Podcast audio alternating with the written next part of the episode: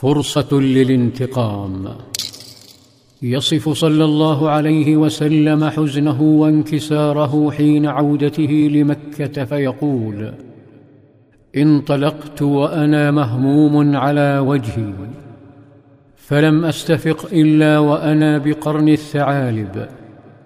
فرفعت رأسي فإذا أنا بسحابة قد أظلتني. فنظرت فإذا فيها جبريل عليه السلام. ناداه جبريل نداء من وهبه الله القوة التي لا تقهر. ناداه يحمل نصر الله ومعجزاته ويقول إن الله قد سمع قول قومك وما ردوا عليك وقد بعث إليك ملك الجبال لتأمره بما شئت فيهم. التفت عليه السلام فبادره الملك المهيب بالسلام. وقال يا محمد إن شئت أن أطبق عليهم الأخشبين. عندها أدركته صلى الله عليه وسلم الرحمة بقومه. لم يكن يريد سحق جثثهم تحت صخور الجبلين الهائلين. اللذين يسميان الأخشبين.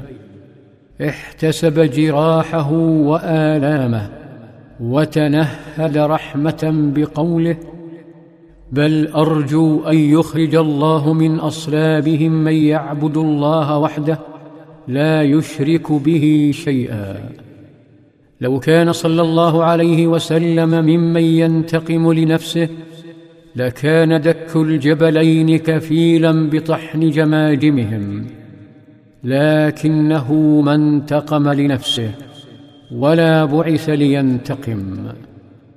يصعد الملكان على كلمات الرحمة ويعود صلى الله عليه وسلم جريحا منكسرا كما خرج.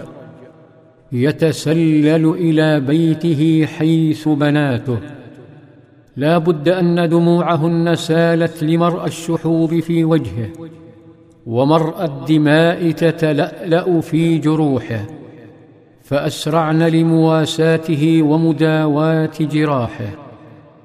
ربما دمعت عيناه صلى الله عليه وسلم عندما تلفت في أرجاء البيت فلم يمر به طيف خديجة.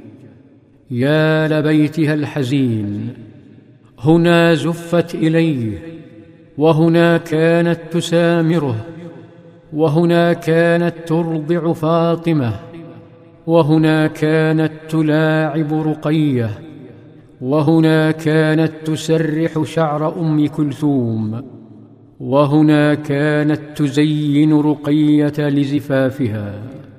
هنا كان الحب هنا كانت خديجة فما أطيبها وأطيب ذكراها. أحزان لا يمكن أن تزول إلا بعزاء يفوق مساحات الأرض والسماء. عزاء يغمره في ليلة لا كالليالي حين كان نائما.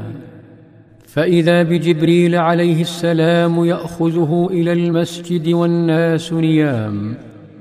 يضجعه على الأرض ويشق صدره ويغسله مجددا لأمر مهول ويهيئه لأحداث مذهلة تتلاشى فيها المسافات وينعدم فيها الزمن.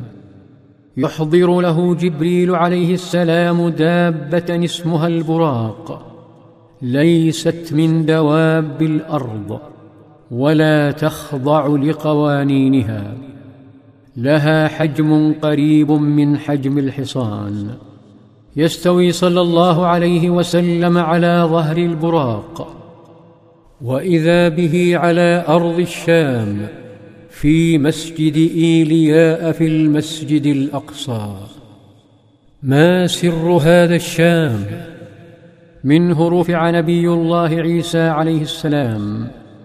وفيه سينزل وإليه سيحشر الناس يوم القيامة خلف الداعي ومنه سيصعدون إلى أرض بيضاء بالغة الاستواء لا ترى فيها عوجا ولا أمتا هناك في المسجد أحداث وصلوات هناك حوار وصفوف مهيبة تتلألأ بانقى البشر وأطهرهم وأكثرهم معاناة في سبيل الله.